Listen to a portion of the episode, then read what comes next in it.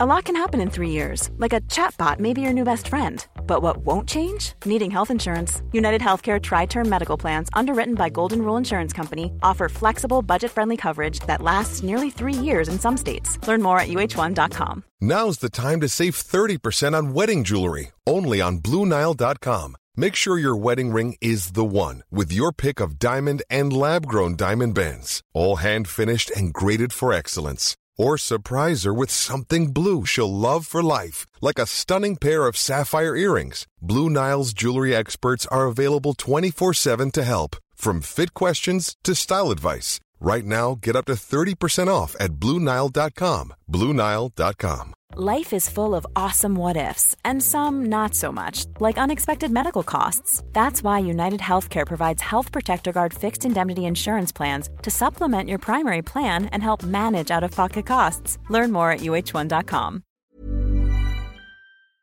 Den här veckan är vi lyckligt sponsrade av Läkerol Dents. Det är alltså tuggpastiller som innehåller 50 xylitol. Jajamän. Xylitolet gör ju att emaljen blir hård. Eh, mineralisering kallas den processen. Det är ju fantastiskt att snaska på någonting väldigt gott samtidigt som du gör mer eller mindre underverk för dina tänder. Och Sanna, du vet ju att Läkerol Dents är min nya kompis den här sommaren. Mm.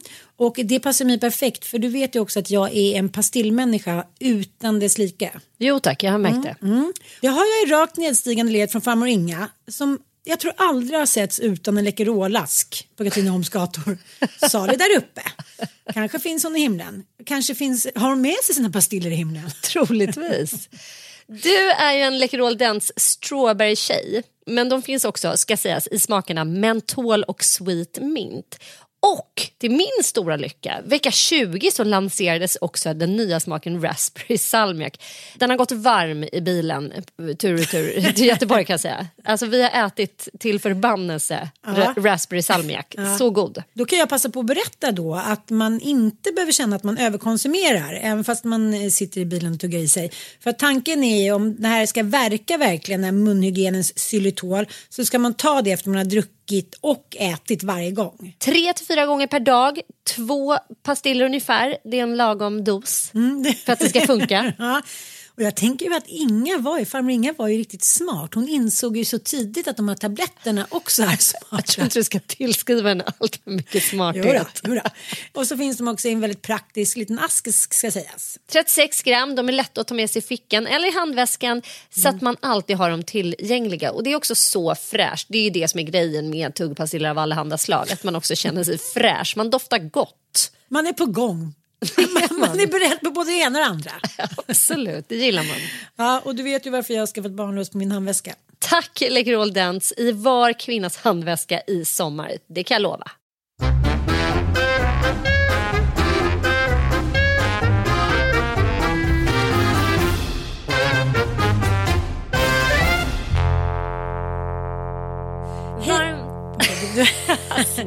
Det var jag. Smurf. Varmt välkomna till podcasten Inte din morsa med mig Sanna Lundell. Och med mig, Ann Söderlund. Jag tyckte det skulle vara lite kul om vi bara kunde, om det är någon av er lyssnare som är nya. Kan Ja. vi inte liksom bara presentera, vad är det här för podcast? Vilka är vi egentligen? Vi är ju journalister i grund och botten båda två. Du är även nästan teolog. Ja, det är jag.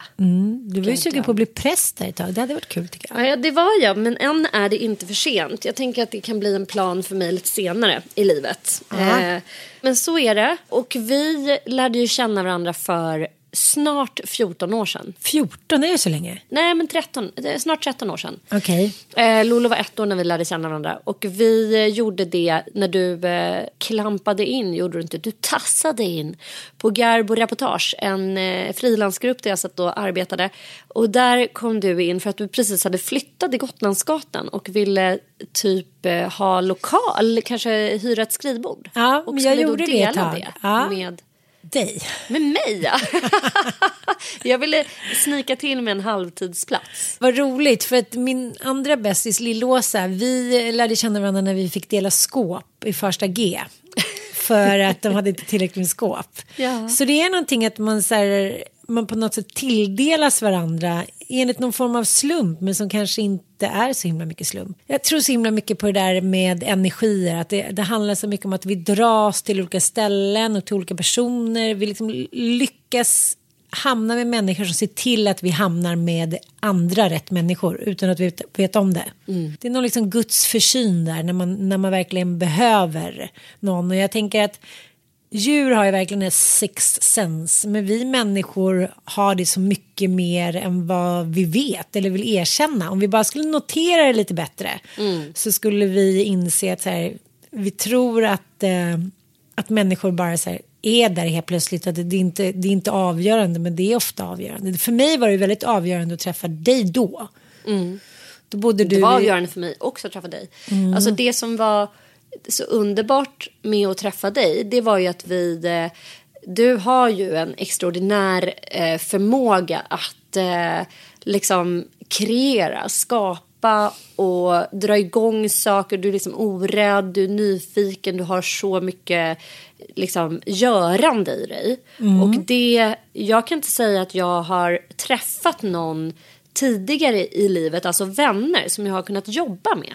Men eh, så du är faktiskt den första kvinnan som jag skapade liksom, tillsammans med. Och jag är så glad för det. Jag blir lite rörd. Ja, men, ja jag blir också rörd. För mm. att eh, det har varit sjukt betydelsefullt i mitt liv, alltså i mitt mm. yrkesliv.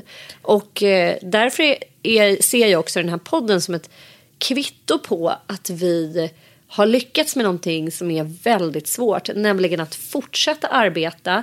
Och du och jag brukar lite så här felaktigt säga att vi är igångsättare men vi är inte så duktiga på att förvalta. Men jag It's a lie right now. It's a fucking lie. Fucking vi är ganska lie, bra man. på att förvalta. Ja.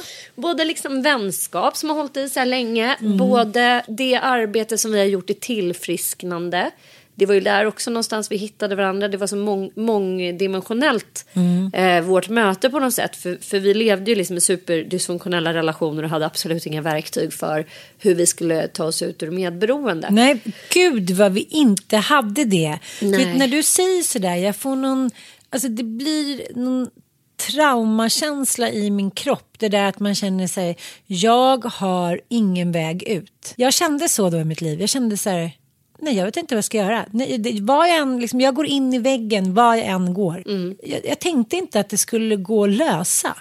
Det var jävligt svart alltså. Ja, men det var också obehagligt att så här, inte kunna.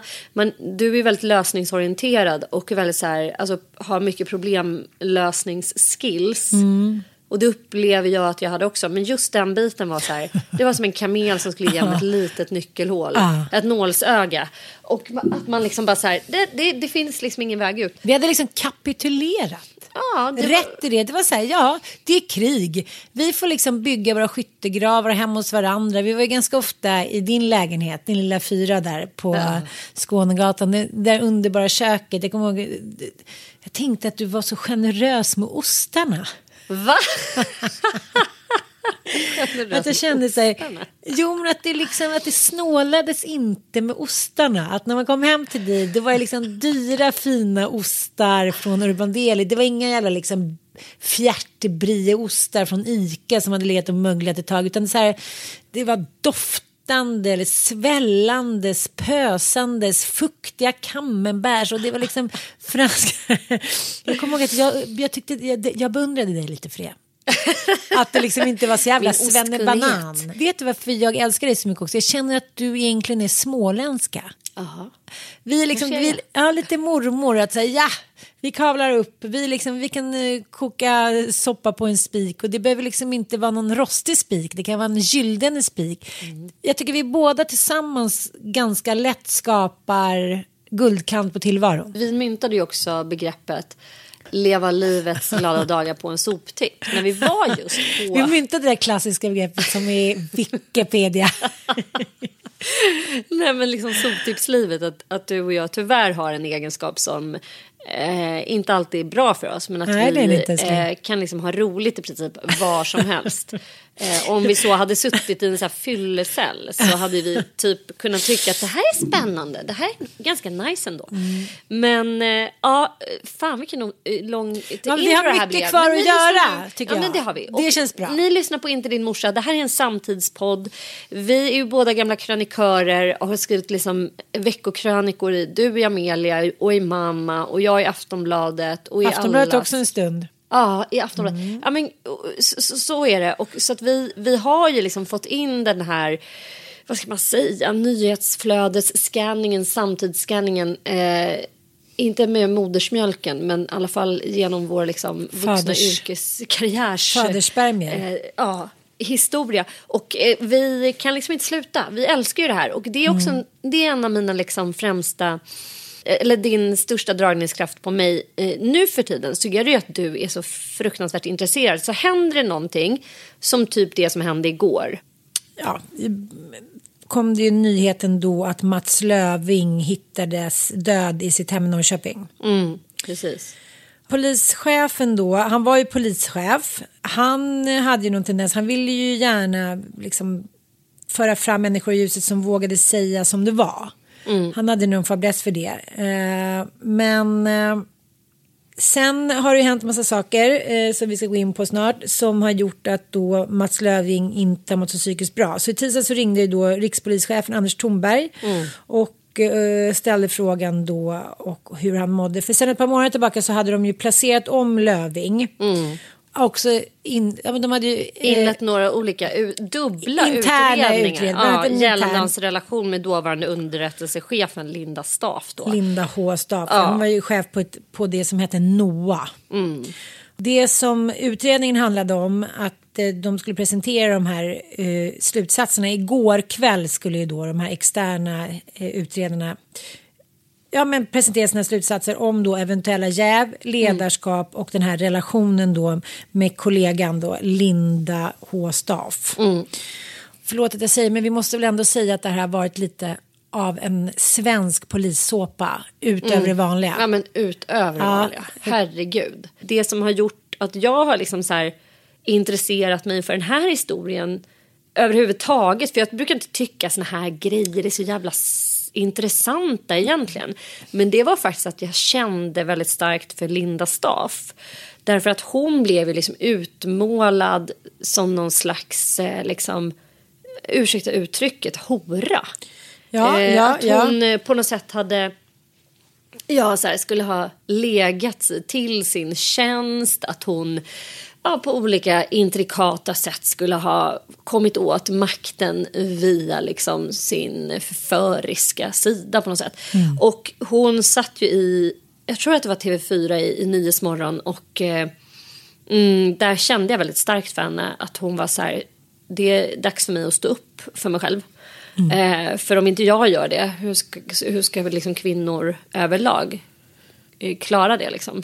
Och då på något sätt, där fångade hon mitt intresse. Det var då jag började läsa på om det här och bara, men gud det här är en sån härva liksom. Och nu påstår ju då vissa att så här, ja men det här är liksom ett, jag såg att Al- Alexander Bard hade delat ett osmakligt in- inlägg eh, där han dessutom liksom kallar Mats Löving för Mats Elving eller något sånt där. Han har liksom inte ens koll på vad, vad han hette. Jo. Och sen så drar han då eh, paralleller till Benny Fredriksson och till eh, och det, ja, jag har sett flera andra både tweets och ja, Stod han, han stod på hans sida då? Ja, eh, han stod på hans sida. Men sen är det ju också så här, jag hörde i, i, eh, i P1, eh, Ekot, liksom att det var ändå så att så här, om man tittar på traditionell media så är det inte så att traditionell media har snaskat runt extraordinärt mycket kring det här utan man har rapporterat väldigt sakligt. Det är ändå liksom statstjänstemän, det är för fan polischefen över Region Stockholm eh, ÖB. och underrättelse, ja, ÖB, alltså så här, det är klart vi måste, Överstebefälhavaren, det finns ju ingen med mer insyn i Sveriges liksom, eh, politik och Sveriges militära strategier. Nej, det är alltså, liksom så här, tre väldigt, väldigt så här extrem, alltså personer med väldigt mycket makt och som dessutom vars löner finansieras av våra skattepengar. Så det är klart att vi som eh, journalister måste granska de här personerna. Allt annat vore så galet. Och det jag i alla fall tar med mig från den här eh, härvan eller vad man ska säga. Det är känslan av att hur vågar de? Det tänker jag så här generellt med politiker också som bara här, inte har betalat tv-avgift eller som köper liksom Toblerone för, sin, eh, för sitt kreditkort. Alltså så här, hur vågar de? Alltså varför, om man vet att man eh, går upp i en position där man kommer att bli granskad av media. Det, det, finns ju liksom hur många case som helst som har gått före och som, som verkligen kan visa på vikten av att göra sig så att säga clean. Mm, hur mm. kan man då inleda en kärleksrelation och tro att det inte kommer komma fram. Alltså, jag tror att de, jag, jag tror att de tänker att de oversmart the system för att de är systemet. Ja men sen är det ju också det som har eh, på något sätt eh, också poppat upp under hela den här härvan. Det är ju eh, liksom den här, vad ska man säga, konsensustänket kring att ha sex på arbetsplatsen. Mm. Att det aldrig är okej för en överordnad att ha sex med en underordnad. Men jag bara tänker så här, när det är två personer som har ganska mycket makt båda två. Hon har inte alls åkt dit på samma sätt ju. Nej, först gjorde hon ju det. Först, först, så var det liksom, först blev hon omplacerad och ifrågasatt och eh, nagelfors mm. liksom som, som eh, ja, så här, enligt gamla tidens horboxmentalitet liksom. Men eh, sen, se, sen har det ju liksom vänt totalt. Det var som att så här, både massmedia samt så här, interna utredare bara kom på att så här, oj det där kändes väldigt 90-tal typ så här ja. kan vi ju inte göra. Och då har de istället bara valt att totalt gå på hennes linje och bara kritisera, som utredningen nu har visat, Mats Löving. Att mm. det är han som har eh, gjort fel. Alltså han mm. skulle ju troligtvis ha blivit av med sin tjänst. Att han, han hade troligtvis fått sparken från alla liksom, mm. polisiära eh, tjänster. Och det visste han väl? Ja, det var han hade väl säkert fått re, alltså... Ja, sen finns det ju många som har teorier kring att det kanske kommer komma ännu mer saker som inte, alltså du vet, eh, att det kanske finns annat som kommer komma fram. Alltså vi kan ja, men, spekulera exakt hur han ja. har dött, men det finns ju många teorier om det och det finns ju många som som misstänker att han tog sitt liv och till följd av den här då det här drevet eller vad man ska mm, säga mm. som han har blivit utsatt för att mm. bli offentligt granskad och mm. att ha massmedia i haserna och att det nu har, skulle offentliggöras den här utredningen. Ska vi prata lite om Linda H. Staff som person? Mm. Jag tycker hon är, hon är mer spännande än vad vi har insett tror jag. Mm. Hon växte upp med sin familj i Östersund och mamma Ingrid då eh, var ju Norrlands första kvinnliga polis. Mm. Det är ändå rätt stort. Det är jävligt stort. Under uppväxten så hette hon Linda Hansson. Det är därför hon har behållit H i sitt efternamn. Och Staff till när hon gifte sig med då sin dåvarande man som hon har två kids med. Av säkerhetsskäl är då Linda Staff annars hemlig. Eh, hon berättar inte så mycket om sitt familj och privatliv eftersom hon då är eh, hon är ju chef för underrättelsetjänsten. Det roliga är att hon började sin karriär inom polisen som revisor. Mm -hmm. 2006 och sen blev hon ekonomichef och hon har inte gått polishögskolan. Mm. inte det spännande? Mm, det är skitspännande. Men det är många som kommer in i, i på, ja, på polisen genom att ha andra kompetenser. Jo, jo, men alltså, du måste ändå förstå att hon, hon, liksom, hon var polischef. Det var hon som ledde den här faktiskt historiska insatsen kring den här krypterade tjänsten Anom. Mm. Och är egentligen revisor. Jag tycker allting är lite jäckande. Mm. Ja, hon internutbildades då eh, inom polisen och på det sättet så har hon då polisbefogenheter då. Mm. Spännande. Och 2015 anställdes hon som chef för underrättelseverksamheten på nationella operativa avdelningen NOA. Hon har även kandidatexamen både juridik och ekonomi från Stockholms universitet. Så det är liksom eh, det är en välutbildad och erfaren kvinna. Mm, hon är beläst. Ja, sen så hösten 2022 så bestämdes det att Linda Åstaff skulle lämna polisen och istället börja på justitiedepartementets polisenhet. Mm. Och då sa hon att det har jag själv tagit initiativet till eh, eftersom det är en hög politisk fråga att arbeta med organiserad brottslighet. Jag kommer att tjänstgöra under ett år. Och jag ser det som ett steg uppåt i karriären så jag vill lära mig den politiska styrningen. Mm. Sen händer då den 5 december att eh, Expressen avslöjar att Stockholms regionspolischef då, ställ, då han ställföreträdande rikspolischef Mats Löving att han då anmäls, det här är december 2021, för grov fridskränkning, mm. Olaga förföljelse, ofredande och då släpps den stora bomben. Brottsoffret är då ingen mindre än Linda H. Staff. Mm. Det här var ju en bomb som briserade, mm. kan man säga. Verkligen, men vi ska också lägga till att den här förundersökningen läggs ner. Ja. Vilket tyder på att det liksom inte finns så mycket som pekar på att det här faktiskt ska ha hänt. Det kan inte vara hon som...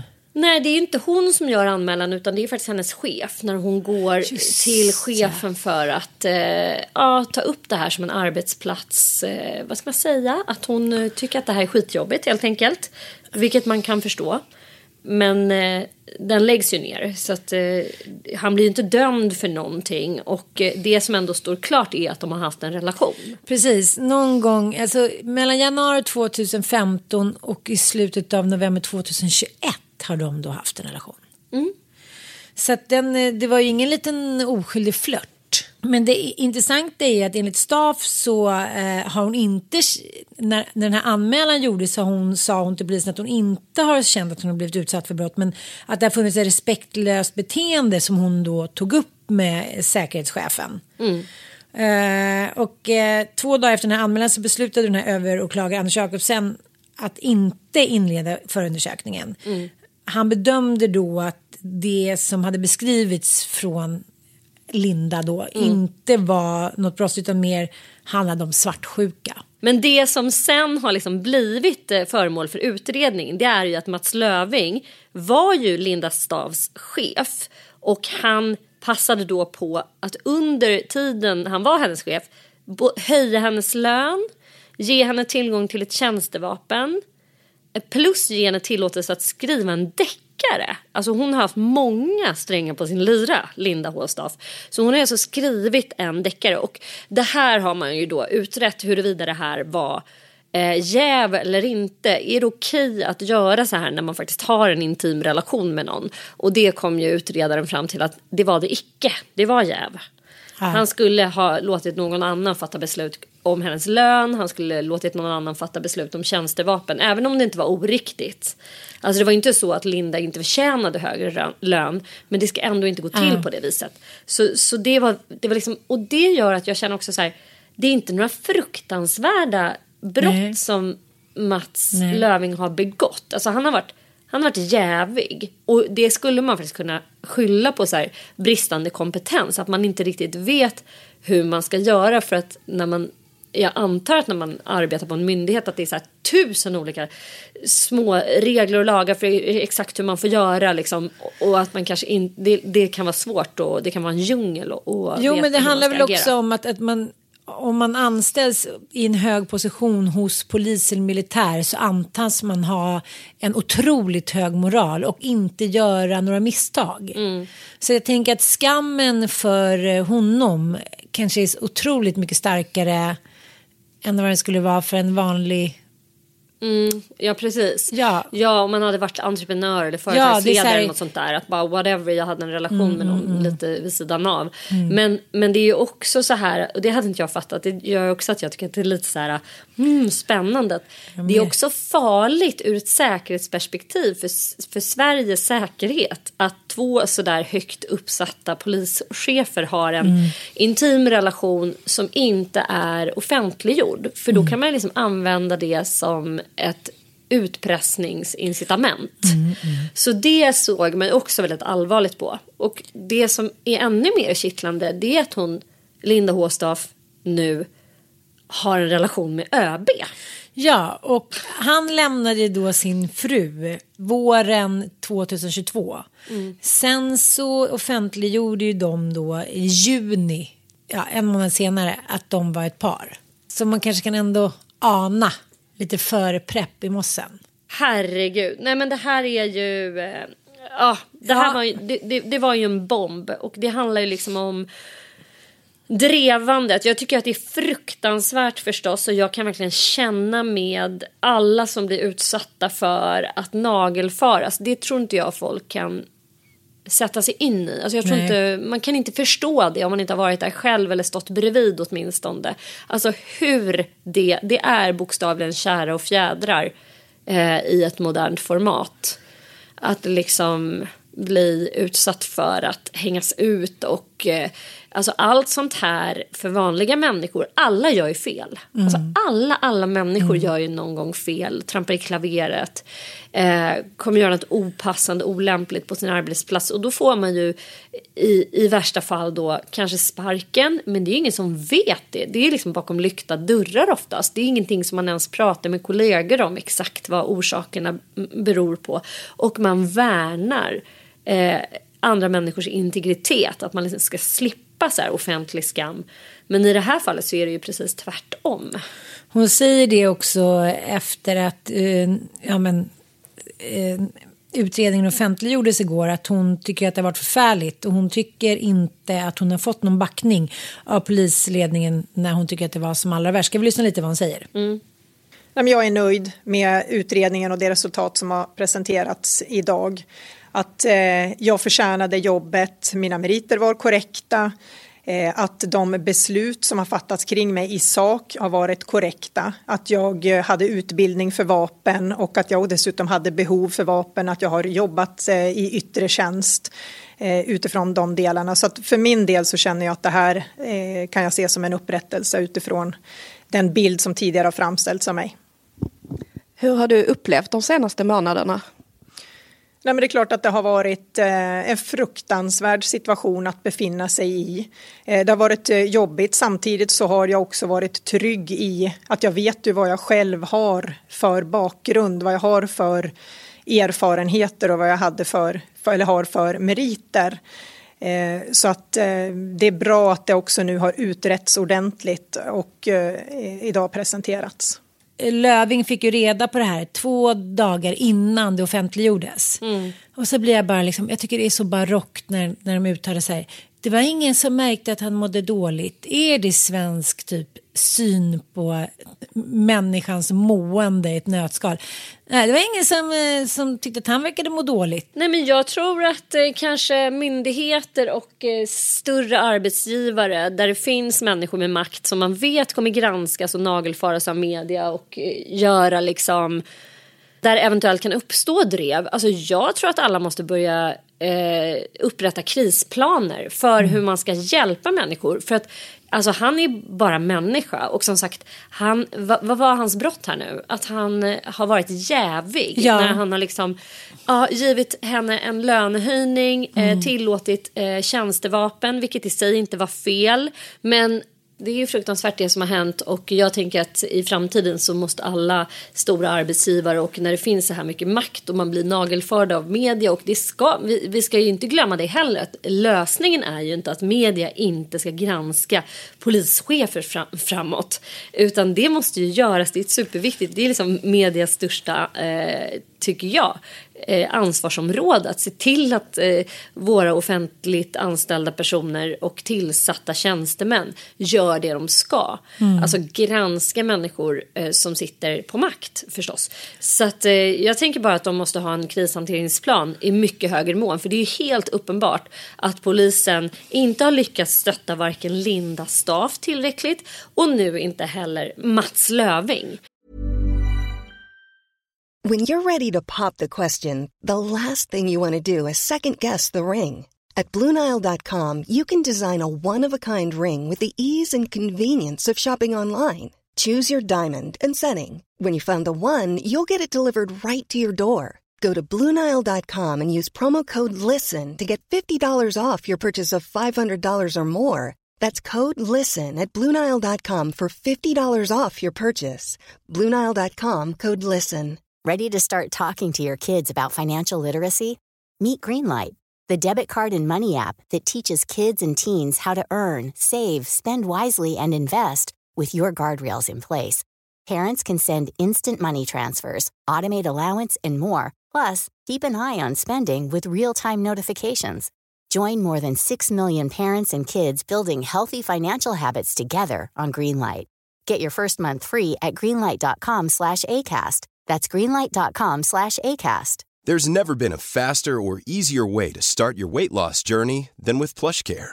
PlushCare accepts most insurance plans and gives you online access to board-certified physicians who can prescribe FDA-approved weight loss medications like Wigovi and Zepbound for those who qualify.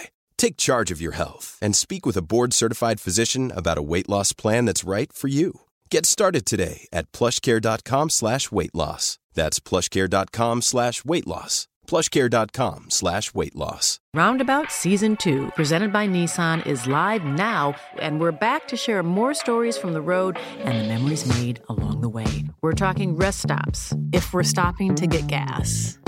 You will be timed. Misguided plans. I grew up in the city, so I have like, you know, a healthy fear of real extreme darkness. a lot of laughs. Y'all weird, but you, yeah, you, you were different. And so much more.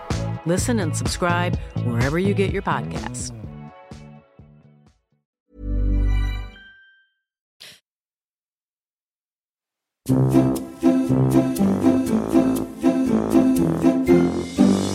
Avslutningsvis så vill jag bara eh, ta upp en liten ny forskningsstudie. Och jag vet att du kanske inte tycker att det här är lika kul som jag. Men det handlar ju om att eh, mäns snoppar har blivit rejält större de senaste 20 åren. det är klart att du eh, lägger en sån nyhet på minnet. Men alltså, vad beror det här på då? Har de olika teorier? Vad har du för källa på Den det här? kommer från Stanford. Undrar om folk tror att jag hittar på. För det är alltid så här Stanford University. Ja, det är mycket så amerikanska studier du håller på. Ja, det tycker jag är roligt. Tycker jag är roligt. Eh, jo, eh, eh, snoppens då, eh, storlek har ökat med 24 procent. Hur fan har de 30 gjort år. de här studierna? Det här är också så här, är det medicinska studier? Är det där man har ägnat sig åt att så här, hur har urvalet gått till? eh, hur stora är studierna? Vilken ålderskategori har man valt ut? Alltså det här är ju sjukt spännande. Alltså tänk dig själv att jobba med det. Ja, jag kan... eh, Jag eh, minns nu en jätterolig serie som handlade om två gynekologer. Kommer du ihåg den serien? Fy fan, vad hette den? Gynekologen Alltså den var ju based on a true story. Nej, det, var, det är Jaha, en nej. amerikansk eh, historia. De blev ju om en liksom, de inledde ju en relation, så här superautistisk eh, gynekolog som började utforska eh, Alltså kvinnors orgasmer, i vilka ställningar som man fick orgasm lättast. Alltså, där, alltså så sjukt eh, bra serie var det. Gud vad Jaha, det, och den vill jag se. Mm, den borde du verkligen se. För att han inleder då en romantisk relation med sin assistent. Eh, och då, då är det ju liksom att de gör så här studier på, alltså de ska ju då börja forska på det här och då behöver de ha frivilliga par som ska låta sig mätas under samlag för att se vad som händer i kropparna. Så de, sit, de, de liksom får sitta och då titta på par som knullar. Nej men den är så rolig. Den, den är så bra. Jag, jag ska strax återkomma med Ja, och titel. jag ska men vadå, berätta dig- mer om den här Ja. hysteriska. Ja, eh, nej, den har då liksom ökat. Snoppens längd har då Mm. ökat med 25 procent. Det här är då, du som gillar evidens, det är alltså 55 761 snoppar Mm. som har mätts över hela världen. Är du nöjd med det? Mm, jag är nöjd med Ja. det. Över hela världen också. De har gjort en så här, alltså de har gjort en sån otrolig, sa, sa, vad heter det, när man har samlat in. Ja, tillsammans då, de har gjort en co-snoperation. Ghost operation. med olika italienska universitet och då eh, ja, gjort eh, ja, mätt de här data, datans då. Och då har det ökat då från 4.8 inches till 6 inches. Och det är då, eh, vad blir det, 12 till 16 centimeter va? Och det här är- förvånar ju de här forskarna väldigt mycket. Eh, De trodde ju på grund av såklart eh, att människor äter sämre mat och att det är liksom mycket mer pollution och bla bla, att snopparna skulle ha blivit mindre. Mm. Men det hade de inte blivit enligt Dr. Michael Eisenberg, professor of urology at Stanford Medicine. Och de har ingen förklaring älskling. It isn't clear what may be causing the trend. But it's concerning to see a significant change in such a short period of time. Det är näringslivsfusion. Ja. Med kemikalier. Ja, eh, Is it the Viagra? ja, jag vet inte. Men eh, är det Spännande. bra eller Kul dåligt? för oss. Ja. Så kan man sammanfattningsvis säga. Men du, jag vill också återkomma här. Masters of Sex. Eh, och den bygger på Thomas Mayers biografi över de amerikanska sexualforskarna Bill Masters och Virginia Nej, men Johnson. Alltså, gud, den vad spännande, älskling. Men Finns den den är här kvar? rolig. Det måste den göra. Den gick ju då på HBO Nordic. Och eh, jag hoppas att den finns kvar. Du måste titta på den. För att Säg den, igen vad den hette. Masters of Sex. Okej. Den nakna sanningen. Om forskarna Masters och Johnson. Och vem myntar då uttrycket en stor kuk är inte till mycket tröst i ett fattigt hem? Göran Söderlund. Marilyn Monroe. Var det det? Ja. Nej, vad kul. Men grejen är att jag tycker att det är helt fel. Det är en otrolig tröst i ett fattigt hem. Då har man i alla fall något. Nej, men jag tycker ju det. Ja. Nej, men eh, ja, jag ville bara berätta om lite fakta och eh, det kanske är bra då för män som verkar tycka om att ha lite större snoppar. Då kanske de eh, kan börja bry sig lite mer om sin sexuella hälsa. När de vet att om de bryr sig om den så kommer noppedoni också öka. jag vet inte. Det är det enda som, som vill till. Nej, men jag, jag, det här påminner mig eh, väldigt mycket om eh, att jag har sett eh, dokumentären om Kurt Cobain på Netflix.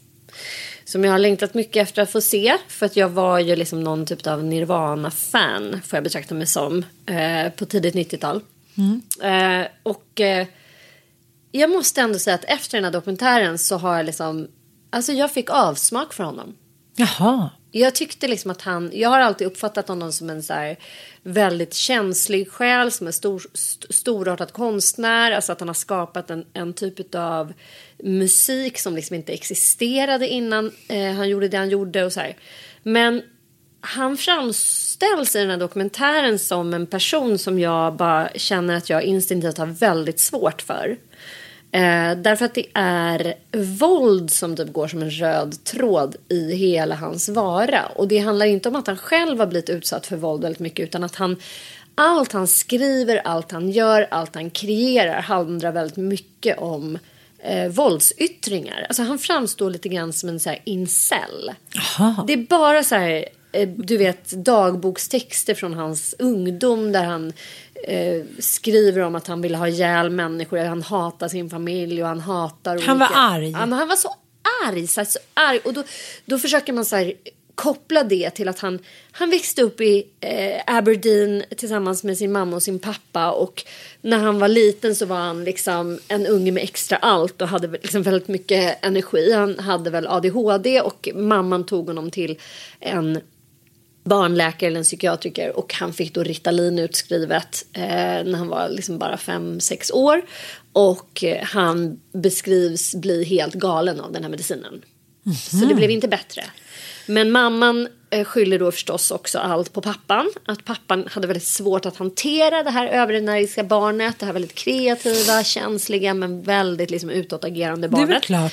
Och han, är, han eh, skammar honom för att han är så här. Och han får liksom väldigt mycket skäll, han får väldigt mycket åthutningar. Han är jobbig. Ja, han är jobbig, han är, han är liksom så här.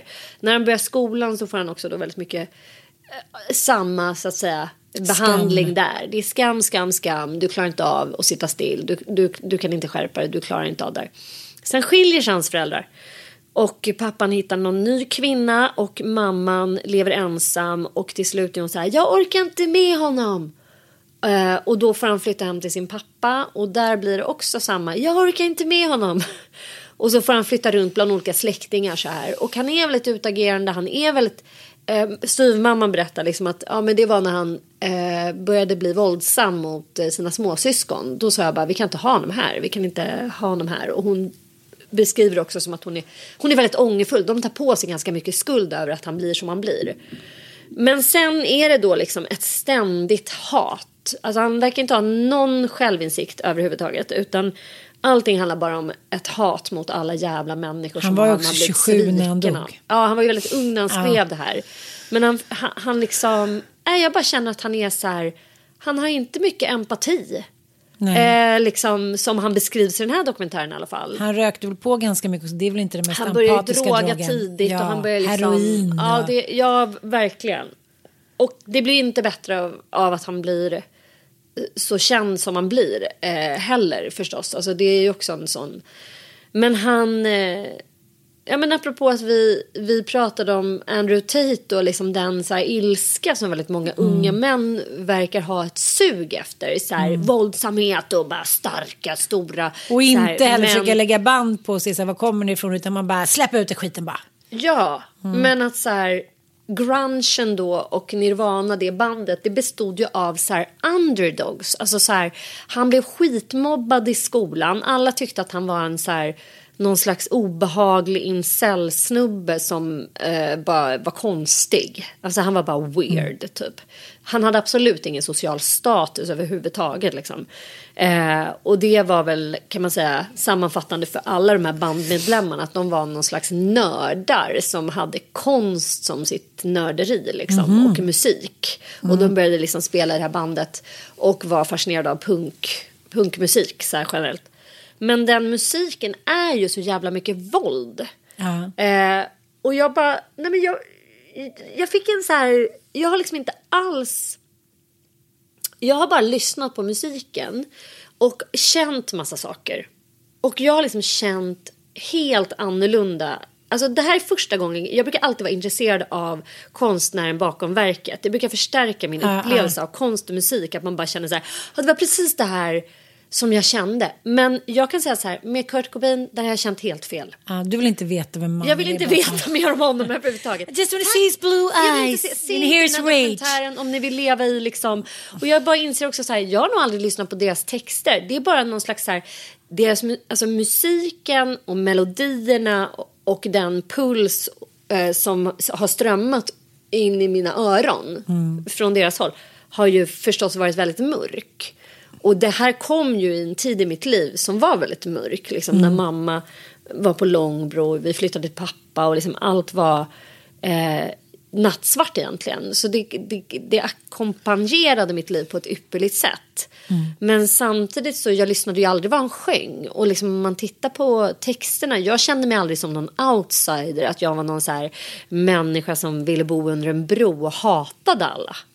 Nej, det var liksom nej. aldrig min drivkraft att jag liksom hatade världen och typ ville att alla skulle dö och sen ville jag bara få knarka ihjäl mig. Det finns en, en liten snutt i dokumentären där Courtney Love intervjuas. Det är så jävla sorgligt för hon bara, nej men vi träffade ju varandra och eh, hon bara, jag hade precis liksom blivit ren från heroin. Eh, och när vi träffade varandra, ja men vi hade ju båda en kär, stor kärlek till droger. Men han sa, alltså explicit, att jag vill tjäna ihop tre miljoner dollar så att jag sen kan ägna resten av livet åt att bara knarka. Wow. Alltså han hade det som en så här plan för han ganska snabbt och innan de blev stora och kända och slog igenom då var ju hans plan att han ville bli stor och slå igenom. Det var någon slags så här drivkraften måste ha varit hämnd. Att säga ska jag visa dem jävlarna.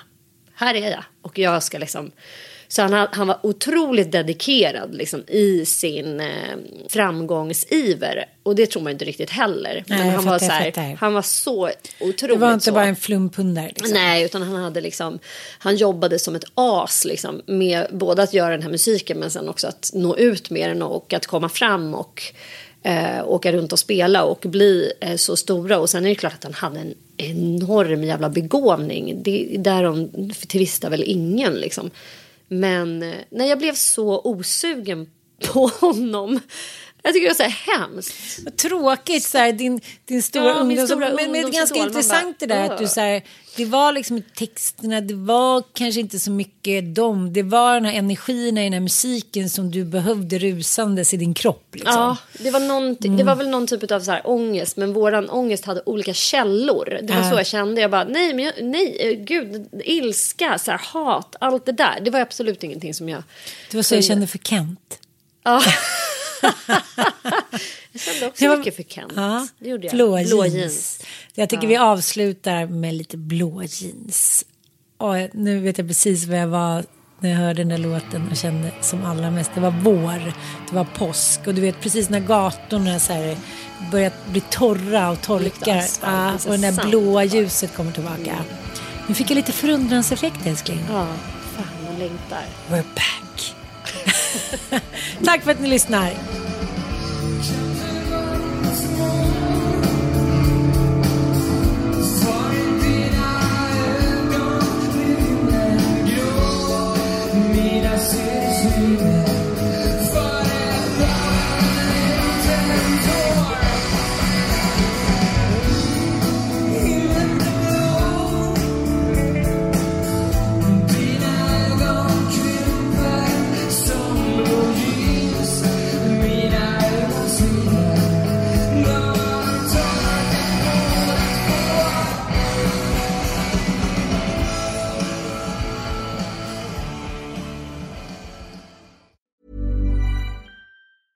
Roundabout Season 2, presented by Nissan, is live now, and we're back to share more stories from the road and the memories made along the way. We're talking rest stops, if we're stopping to get gas. You will be timed. Misguided plans. I grew up in the city, so I have like, you know, a healthy fear of real extreme darkness. a lot of laughs. Y'all weird, but you, yeah, you, you were different. And so much more. Listen and subscribe wherever you get your podcasts. This message comes from BOF sponsor eBay. You'll know real when you get it. It'll say eBay Authenticity Guarantee. And you'll feel it. Maybe it's a head turning handbag, a watch that says it all, jewelry that makes you look like the gem, or sneakers and streetwear so fresh every step feels fly. eBay gets it. So look for the blue check mark next to that thing you love and be confident that every inch, stitch, sole, and logo is checked by experts. With eBay Authenticity Guarantee, you can trust that feeling of real is always in reach. Ensure your next purchase is the real deal. Visit eBay.com for terms. Imagine the softest sheets you've ever felt. Now imagine them getting even softer over time. That's what you'll feel with Bowl and Branch's organic cotton sheets. In a recent customer survey, 96% replied that Bowl and Branch sheets get softer with every wash. Start getting your best night's sleep in these sheets that get softer and softer for years to come. Try their sheets with a 30-night guarantee. Plus, get 15% off your first order at bowlandbranch.com. Code BUTTERY. Exclusions apply. See site for details.